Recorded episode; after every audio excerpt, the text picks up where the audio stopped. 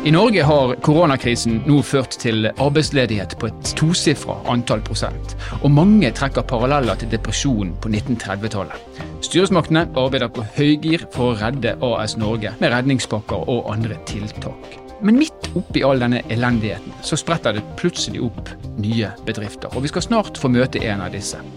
Hva er det som gjør at noen ser muligheter der andre ser trusler? Og hvilke ordninger finnes det for de som nå ser forretningsmuligheter? Dette er Nord-Norge i verden, og mitt navn er Stein Vidar Loftaas.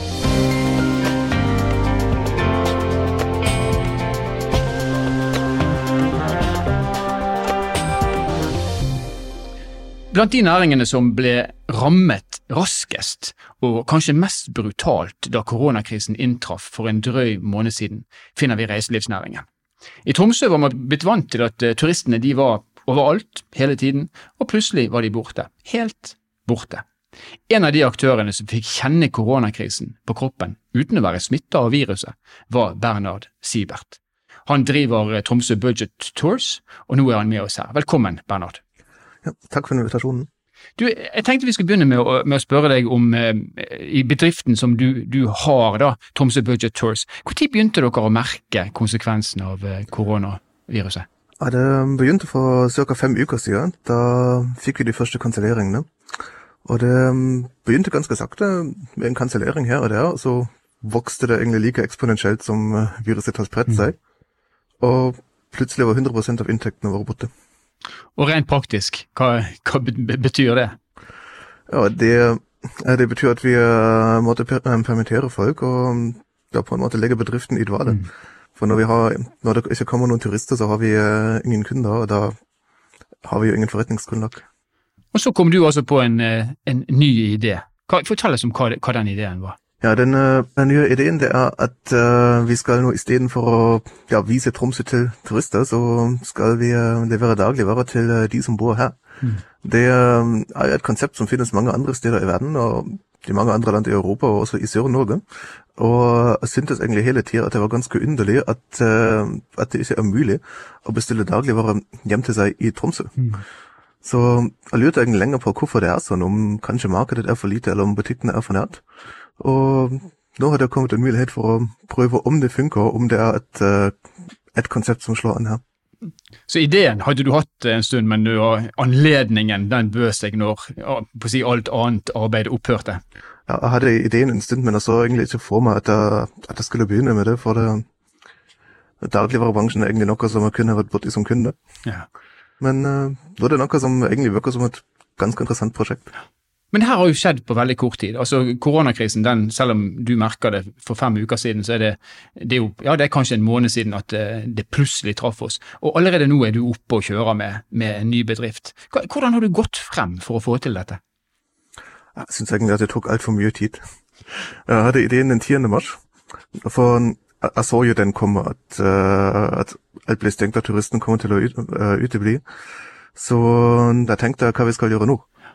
Vi må jo ha en inntekt fra, fra noe. Og så er det jo sånn at uh, folk blir anmodet om å holde seg hjemme, at noen kanskje må holde seg hjemme eller ikke ønsker å gå ut, eller at uh, folk rett og slett er for opptatt med andre ting for å, for å gjøre uh, ting som dagligvarehandelen sjøl. Da tenkte jeg at det kanskje kunne være en mulighet å opprette en tjeneste der folk kan bestille dagligvarer hjem til seg. Mm. Men 10. mars, og, og du, altså, du, har en nettside, jeg har vært inne og sett på nettsiden din, man kan bestille nærmest hva som helst eh, man trenger av dagligvarer. 10. mars, det er, altså, det er jo bare praktisk talt en måned siden. Er det virkelig så raskt å opprette en bedrift? Det meste av den digitale infrastrukturen var jo allerede på plass. Mm. Og så uh, gikk de første dagene gikk til å finne en egen nettbutikk, og til å tilpasse den og programmere en leveringsmodul. Og samtidig har laget et budsjett og skrevet forretningskonsept og utviklet rutiner for hvordan bestillinger rent praktisk skal behandles og gjennomføres. Ja. Og det var på plass, så begynte jeg å fylle de, de virtuelle butikkhyllene med varer. Ansatte noen sjåfører, og den 6. april ble butikken lansert. Ja. Men disse butikkhyllene som du snakker om, som da er helt digitale, eh, jeg antar at du, du må ha avtaler da med dagligvareforretningene i byen, er det sånn det er? Ja, Det er en plan på sikt at uh, vi kanskje kan begynne å samarbeide med bestemte butikker. Mm. Men uh, enn så lenge er det sånn at uh, varene handles på en egnet butikk, og så ja, kjøres de ut derifra. Ja. Så vi har ingen egen varelager. Men Hvordan tjener dere penger? Vi har et uh, lite påslag på prisen, mm. og um, med tilstrekkelige volum så vil vi da forhåpentligvis begynne å tjene penger. Men det er jo, det er jo viktig at ting ikke blir for dyrt. Mm. Hvordan, går, hvordan går det så langt, kan jeg spørre om det? Ja, det går oppover. Oppover. Det må det jo, det går jo fra null, så det må gå oppover. og jeg har ikke gjort så mye markedsføring ennå, for, for, det er fortsatt ganske mye som mangler. Det er helt utrolig hvor mange varer som finnes. Ja. Jeg visste det fra før av, men uh, realiserer det på nytt hver gang jeg prøver å legge inn flere varer. Ja. vi har nå rundt 500 ulike produkter, og det, det er kanskje et halvt basissortiment. Så nå har jeg fått inn litt flere produktgrupper. Der skal vi øke markedsføringen litt og ha litt flere annonser. Mm. Og få se hvordan det går. Det er jo også bra at det begynner litt sakte, sånn at vi kan kjøre oss inn og prøve ut mm. rutinene og se hva som funker og hva som ikke funker. Men det, det er jo sånn i Norge eh, at folk er vant til å gå i butikken og handle sjøl. Det har man liksom alltid gjort. Og så har krisen nå ført til at eh, mange har ikke fått lov til å gå ut, mange våger ikke å gå ut fordi de er redd for å bli smitta. Så nå, er, nå, er, liksom, nå er, er, det et marked for den type bedrifter som det du har laga. Har du tenkt på hva som vil skje når man en dag får kontroll på viruset igjen? Du er ikke redd for at folk begynner da å gå i butikken sjøl igjen, og så plutselig så har ikke du et grunnlag for å drive? Ja, altså det, Hvis det skulle skje, så vil det jo skje samtidig som turistene kommer tilbake. Så mm. det er jeg ikke helt bekymret for. Nei. Men uh, jeg tror også at hvis uh, folk får prøvd det ut og opplever hvor komfortabelt det egentlig er, at uh, mange nok vil fortsette å bestille ting hjem til seg. Ja. Det er altså sånn på de plassene der slike tilbud finnes fra før av, at det blir tatt godt imot av de som, som ønsker sånne tjenester. Ja. Og jeg tror det også kan fungere i en by som Tromsø. Tromsø er jo en, egentlig en kontinental storby, kan man si. Så det vil sikkert fungere. Og en ting som, uh, som også er en, ja, en, en, fremtidsplan, det er at uh, vi ønsker å begynne å samarbeide med, uh, med lokale matprodusenter. Mm. for å hjelpe dem med å nå ut til forbrukerne med produktene sine. Og for å gjøre det enklere enn det er i dag for folk til å handle lokalt. Ja. Også i Tromsø-området finnes det jo matprodusenter som lager mye forskjellig, av veldig høy kvalitet. Og det er produkter som vi ønsker å gjøre mer tilgjengelig.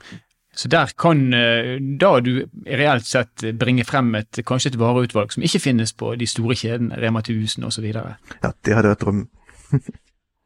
Det vært drømmen. Ja, se der. Dette er utrolig interessant. og nå, nå, forteller du at du har drevet Tromsø Budget Tours før. Nå driver du eh, denne nye matlevering.net. Har du, har du gründa flere bedrifter i din tid? Nei, det er bare de to. Det er de to. Men hva, hva er det som gjør, hvis jeg spør deg, for det, er jo helt åpenbart at du har et, eh, et gründergen, kan man kanskje kalle det for. Hva er det som gjør at eh, når, når det, altså sånn som du ser det når, det, når en krise inntreffer, så er det noen som da umiddelbart ser en mulighet, mens veldig mange andre de, de går i krisemodus. Er det, er er det personlighetsting, eller hva tror du det er som gjør at du velger å se muligheter? Ja, jeg, jeg, tror det er jeg tror det er min form for krisemodus. Mm, akkurat. Altså når, når en dør luk lukker seg, så åpner, åpner, det seg jo alltid en annen dør. Ja. Og ja, jeg prøver å se muligheter, ja. rett og slett. Ja. Og så er det jo interessant da, å høre refleksjonen din om at hvis det går ned med den ene butikken, så går det opp med den andre butikken, og vice versa. Det er jo en gardering der som virker ganske sterk hos deg. Ideelt sett burde det jo gå oppover med begge etter hvert, men eh. Det kan hende det kommer til å gjøre det òg. Bernhard, du, når du har gründet disse butikkene dine, denne eh, nye butikken din nå og reiselivsselskapet ditt tidligere, har du benytta deg av de forskjellige stønadsordningene som finnes i Norge? Nei. Um, da kun reiselivsbedriften så prøvde prøvde å søke på støtte fra Innovasjon Norge, men uh, det var for sent fordi bedriften var allerede registrert. Ja. Så um, da klarte vi oss uten støtte, og det gikk også. Det hadde kanskje gått enda bedre med støtte, men det gikk også bra uten. Ja. Så det går an å gründe og lykkes med bedrifter uten støtte. Og vi skal ganske snart eh, snakke med nettopp Innovasjon Norge for å høre hva er det slags ordninger som finnes sånn helt generelt, og hva er det som finnes spesielt i den krisen vi er i nå. Tusen takk for at du var med oss, Bernhard Sibert i matlevering.nett. Takk for invitasjonen.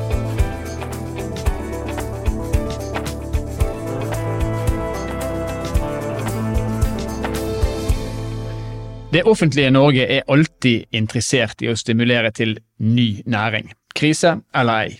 Og Et av de aller viktigste våpnene man har i den kampen, det er Innovasjon Norge. Innovasjon Norges oppgave er å bidra til nyskapning i næringslivet, til utvikling av konkurransedyktige norske bedrifter og utvikling i distriktene. Og I forbindelse med koronakrisen så er de nå tilført 4,5 milliarder ekstra kroner. Og Med oss nå har vi Linda Beate Randal fra Innovasjon Norge Arktis. Og aller først, Linda, dere som har kontakt, løpende kontakt med gründerbedriftene og små og store, eh, mellomstore vekstbedrifter, hva hva er, det dere hører fra dem? Hva er signalene de bedriftene gir dere nå for tiden? Eh, nei, det er jo ganske, er ganske, forskjellig. Det er jo noen næringer det fortsatt går ganske greit. Men eh, de bedriftene som påvirkes veldig av det vi er inne i, de, de melder om kapitaltørke, om forsinkelser i prosjektene, om markeder som til dels er borte eller forsvunnet helt. Og reiselivsnæringa er jo en spesielt vanskelig situasjon, selvfølgelig. Så eh, noen plasser er det dårlig, og noen plasser er det enda dårligere. Og så er det jo noen som klarer å hive seg rundt og allerede er i gang med si, nye ting, da. Mm. Ja, Det er interessant, og det skal vi snakke litt mer om. Men jeg vil jeg lyst til å spørre deg først om uh, denne krisepakken. Altså, ja, for noen uker siden så ble dere tilført 4,5 milliard kroner ekstra mm. som en del av regjeringens krisepakker. Hvordan skal de midlene brukes? Nei, derfor er jeg ikke så veldig glad i å kalle det for krisepakke, egentlig. Fordi at Når jeg tenker krisepakke, så er det liksom overlevelse i, i et kortsiktig perspektiv. Og der har jo egentlig regjeringa lagt frem ganske mange andre ordninger som, som, er til for overlevelse. De pengene vi har fått, er jo egentlig mer for enda mer innovasjon og for å rigge næringslivet til å, på en måte være klar for det som kommer etter at vi er ferdig med det her. Som kanskje ikke er det samme mm. som vi ser nå. Tenker du at det, det, det er nok? 4,5 milliarder det høres jo for oss vanlige folk høres jo det forferdelig mye ut, men er det nok til å klare å få i gang en, en, en omstilling eller en ny innovasjonstopp? Jeg vet ikke, det er, jo, det, det er jo kjempevanskelig å si. fordi at alle de her tingene må jo I første omgang så handler det jo faktisk om folk og bedriftseiere som vil noe. Som ser noe, som har lyst til å gjøre noe. Og så handler det om hvor gode vi klarer å være, og bankene klarer å være, og rådgi de her i lag, og så putte på de pengene som skal til. Mm. Og hvis, hvis, vi får det her godt til i lag, så tror jeg at det kan være veldig langt på vei nok. Men det er klart at det, de pengene må jo ut. Så hvis at bedriftene i vår region f.eks. sitter og venter, eh, så, så, blir jo de der 4,5 milliardene på bok. Ja. Så det krever på en måte at noen er litt fremme i skoene her òg. Mm. Og at vi prøver å både motivere til at folk er fremme i skoene, men at folk faktisk er fremme i skoene, sånn at man får utnytta de pengene her. Men hvis vi, hvis vi snakker om innovasjonstakten eller innovasjonslysten i Norge, sånn helt generelt, se bort ifra den krisen vi er i nå, hvor ivrig er Norge på å få fram ny innovasjon? Nei, altså, det har jo vært veldig mye debatter for noen år tilbake om at vi var veldig dårlige på innovasjon, at vi ikke hadde så behov for det fordi at vi var på en måte mett av oljen og klarte oss veldig godt med det. Men jeg mener jo at det har skjedd en enorm endring i Norge de siste årene. Og når vi snakk om at det ikke er så høy innovasjon i Norge, så tar vi jo heller ikke med alt som har skjedd i petroleumssektoren. Så, så jeg syns jo at det begynner å bli veldig bra. Det er utrolig mye profesjonelt eh, næringsliv som er mer og mer opptatt av markedet og kundene, og kanskje litt mindre opptatt av å ruge rundt det der produktet som de hadde før litt glemt å sjekke om noen ville ha. Mm. Men nå er man eh, blitt mye flinkere til å se rundt seg hva er trendene, hva er mulighetene, og og på en måte ta fatt i det. Så jeg syns at innovasjonstakten i Norge er, den, den er veldig bra, den. Ikke, det er ikke noe annet å si om det, tenker jeg. Men hvis, hvis vi sammenligner f.eks. med nabolandet vårt Sverige, som mm. egentlig alltid har vært litt sånn hypa på at de er spesielt flinke innovasjonsmessig, er vi mer like enn det vi kanskje er oppdratt til å tro? Ja, altså det, det, er klart at Vi har jo som jeg sa, vi har jo hatt noen naturgitte fortrinn her som har gjort at vi, vi, på en måte ikke har måttet like mye. Mm. Men eh, som sagt, da har vi ikke tatt med all den innovasjonen som har skjedd rundt petroleumsnæringa, i fiskeriene, alle de her tingene. Det er klart Vi har ikke vært så preppa på kanskje tech og alle de tingene som man har vært i Sverige. Mm. Men det mener jeg jo vi er nå. Eh, sånn at den forskjellen er kanskje ikke riktig så stor som vi har liksom lært oss til å si. Men så er det jo noe med at krise utløser ting. Og vi har jo på en måte ikke hatt noen krise i Norge. Dette er jo en krise vi står i nå. Eh, og sånn sett så tror jeg at det kan bidra til enda høyere innovasjonstakt. Mm. Men hvis du ser tilbake på, for du sier vi ikke har hatt kriser, og er jo, jeg er jo langt på vei enig med deg, men vi, vi hadde finanskrisen i 2007, som riktignok ikke traff Norge spesielt hardt, og så hadde vi en oljekrise da i 2014 eller der omkring. Mm. Så dere en endring i innovasjonstakten når disse her da krisene traff oss? Ja, vi så jo det, og da ble det jo gjort det samme. Da ble det jo også på en måte laga en del sånne tiltakspakker fra fra storting og regjering og alle de myndighetene som gjorde det for å stimulere rundt det, som selvfølgelig er veldig spesielt nå. Det er jo ikke bare at det er en krise, men det er en krise hvor vi også ikke får lov å bevege oss. Sånn at markedene har jo totalt falt ut hos noen. Mm. Så det er klart at det er ikke enkelt. Så det blir liksom en sånn dobbeltkrise nå på et vis. Så det er liksom det er litt vanskelig å sammenligne, for det her er jo helt nytt mm. for oss. Mm. Ja. Så litt kriser har vi hatt, men jeg mener jo at det her er en eh, si, unik, vanskelig situasjon. Ja. Og Nå er vi også ganske tidlig mm. i, i, krisen. Det er jo ikke mer enn fem uker siden det her ordentlig traff oss. Ja. Eh, og Dere har fått tilført mer midler, men er det sånn å forstå at dere regner med at det vil bli en, eh, en ganske umiddelbar økning da, i henvendelser til Innovasjon Norge? Nei, det er jeg ikke helt sikker på. Eh, og, det, og, det, tror jeg det er nok litt forskjellig rundt omkring i landet hvor uh, umiddelbar den er. Nå vet jo at det handler litt om næringsstrukturer i, de, i regionene man er. og Sånn som uh, f.eks. marinsektor er jo ikke hardest ramma enda hos oss. Vi har jo en stor marinsektor hos oss. og Sånn sett så så ser vi at allerede nå så kommer det fortere ned i Oslo og på Vestlandet. Mm. Kommer fortere inn pga. næringsstrukturen. Så jeg tror jo at vi er nødt til å både motivere og mobilisere litt for å, å, å få, få, næringslivet vårt en større del av dem mer på banen. da. Ja, rett og slett. Og jeg er også litt sånn spent på hvordan de her andre krisepakkene påvirker lysten til å ta fatt. Sånn det er jo laga en del gode krisepakker både på det med endring av permitteringsregler, kontantstøtteordninger. Og om de er laga akkurat sånn nå at det på en måte at folk og bedriftene klarer seg bra, men at de allikevel har lyst til å se etter nye muligheter. Ja. Det gjenstår jo òg å se, for det er jo en det er jo mye som er gjort her fort, selvfølgelig. Ja. Ja, det er en skjør balanse. Det er klart at Hvis pakkene blir for gode, så sitter man kanskje i ro og venter på at ting skal bli som det var før. Mm. Ehm, eh, vi snakket, Rett før vi, vi, eh, vi, fikk besøk av deg, så snakka vi med Bernhard Sibert, som da akkurat har gründa en, eh, en, ny bedrift for utkjøring av matvarer. Han drev tidligere som sagt en, en, en turist, en reiselivsbedrift. Og Vi spurte han har du benytta deg av de ordningene som finnes i Norge, f.eks.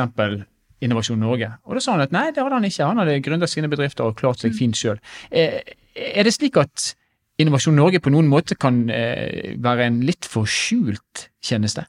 Jeg tror kanskje at i forhold til Nå vet ikke jeg hvor lenge det er siden han starta opp den forrige bedriften sin, men vi har nok en historie på at vi de siste årene har jobba veldig mye mer utadretta for å komme i kontakt med de gründerne. Og det viser jo tall at vi har en voldsom økning både i henvendelser og i hvor mye penger vi bidrar med til gründere enn f.eks. bare for fem år siden. Men det er klart at vår jobb, det er veldig mange som tror at vi har penger, så kommer folk til oss. Det er jo ikke sånn vi jobber. I hvert fall halvparten av det vi gjør handler om rådgivning. Det å reise ut til Senja og snakke med bedrifter. Det å ta kontakt, være i dialog og spare med bedriftene. Så hvis vi ikke vises til noen som har behov for oss, så gjør vi jo en for dårlig jobb. Og da må vi gjøre det enda bedre enn det vi gjør. Det, sånn I den, den, tiden vi er inne i nå, eh, Linda, er det noe spesielt du, eh, du tenker er viktig å få løfta frem? Ja, jeg tenker at det er veldig viktig å begynne å tenke på omstilling og det å områ seg. Og de som tenker omstilling, de er egentlig allerede på vei eh, til å være også morgendagens bedrift. Og det er tida for å ta frem gode ideer man har i skuffene, se på nye markeder, tenke nye forretningsområder man kanskje har toucha innom i hodet sitt, men ikke har tid til i hverdagen. Fordi at nå har man kanskje litt bedre tid. Pengene er mer av, og enda mer vennligsinna og enda bredere. Så nå er jo tida for å rigge eh, bedriftene for, eh, for en ny fremtid i nord og i hele Norge. Så, så det er omstilling. Tenk omstilling og sett i gang. Men for alle de som nå sitter hjemme og kanskje hører på denne podkasten, og som kanskje har en idé eller som ser et behov, hva er ditt råd til de? Hvordan skal de gå frem for å gjøre om sin idé til en kanskje bærekraftig eh, bedrift? Ring oss. Vi har jo eh, Det er ikke verre enn det? Nei, det er faktisk ikke verre enn det. Og det, det, er også noe med at noen tror at det, man må liksom ruge ferdig ideen, man må sjekke ut alle ting før man tar kontakt med f.eks. oss. Og det lureste er egentlig å komme tidlig til oss, fordi at vi har veldig mye kompetanse vi kan sette på. Vi har veldig mye gode råd å komme med. Vi har veldig mye koblinger vi kan gjøre overfor andre opp mot andre kompetansemiljøer, eller på en måte å være med og gjøre det her til mest mulig, en mest mulig livskraftig eh, idé da, som den gründeren har laga i utgangspunktet. Så vi er definitivt veldig glad for at folk ringer og tar kontakt, og så tar vi det i lag fra der av. Det er derfor vi er her. Det var en enkel og en åpen invitasjon til alle dere som hører på, og som kanskje har en idé til eh, ny næring eller til omstilling. Tusen takk for at du kunne være med oss, Linda Beate Randal.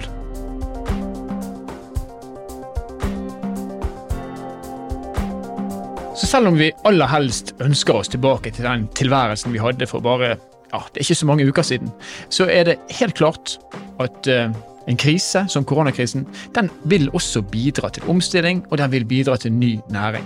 Og Vi i Norge vi er i en særstilling fordi at vi har et oljefond som kan bidra både for å holde livskraftige bedrifter flytende, og til å få til omstilling, og til å få til nettopp ny næring.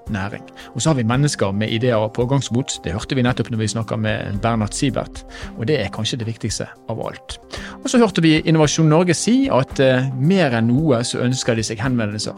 Så har du eh, omstillingsideer, har du eh, gründerideer, så er tiden til å ta kontakt med Innovasjon Norge nå. Ring meg, sa Linda Beate Randal, og det er en oppfordring jeg syns dere skal følge, alle dere som har en idé.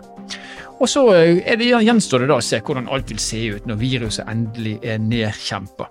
Og når det måtte bli, det vet vi jo ikke ennå. Men at vi får en rekke permanente endringer når det gjelder økonomi og næringsstrukturer, det tror jeg vi kan si er heva over enhver tvil. I denne episoden av Nord-Norge i verden har du møtt eh, gründer og daglig leder Bernhard Siebert, og du har møtt regiondirektør Linda Beate Randal i Innovasjon Norge Arktis. Nord-Norge i verden produseres av Sparebank1 Nord-Norge i samarbeid med Helt Digital. Musikken du har hørt er laga av Emil Karlsen. Mitt navn er Stein Vidar Loftaas, og vi høres i neste episode.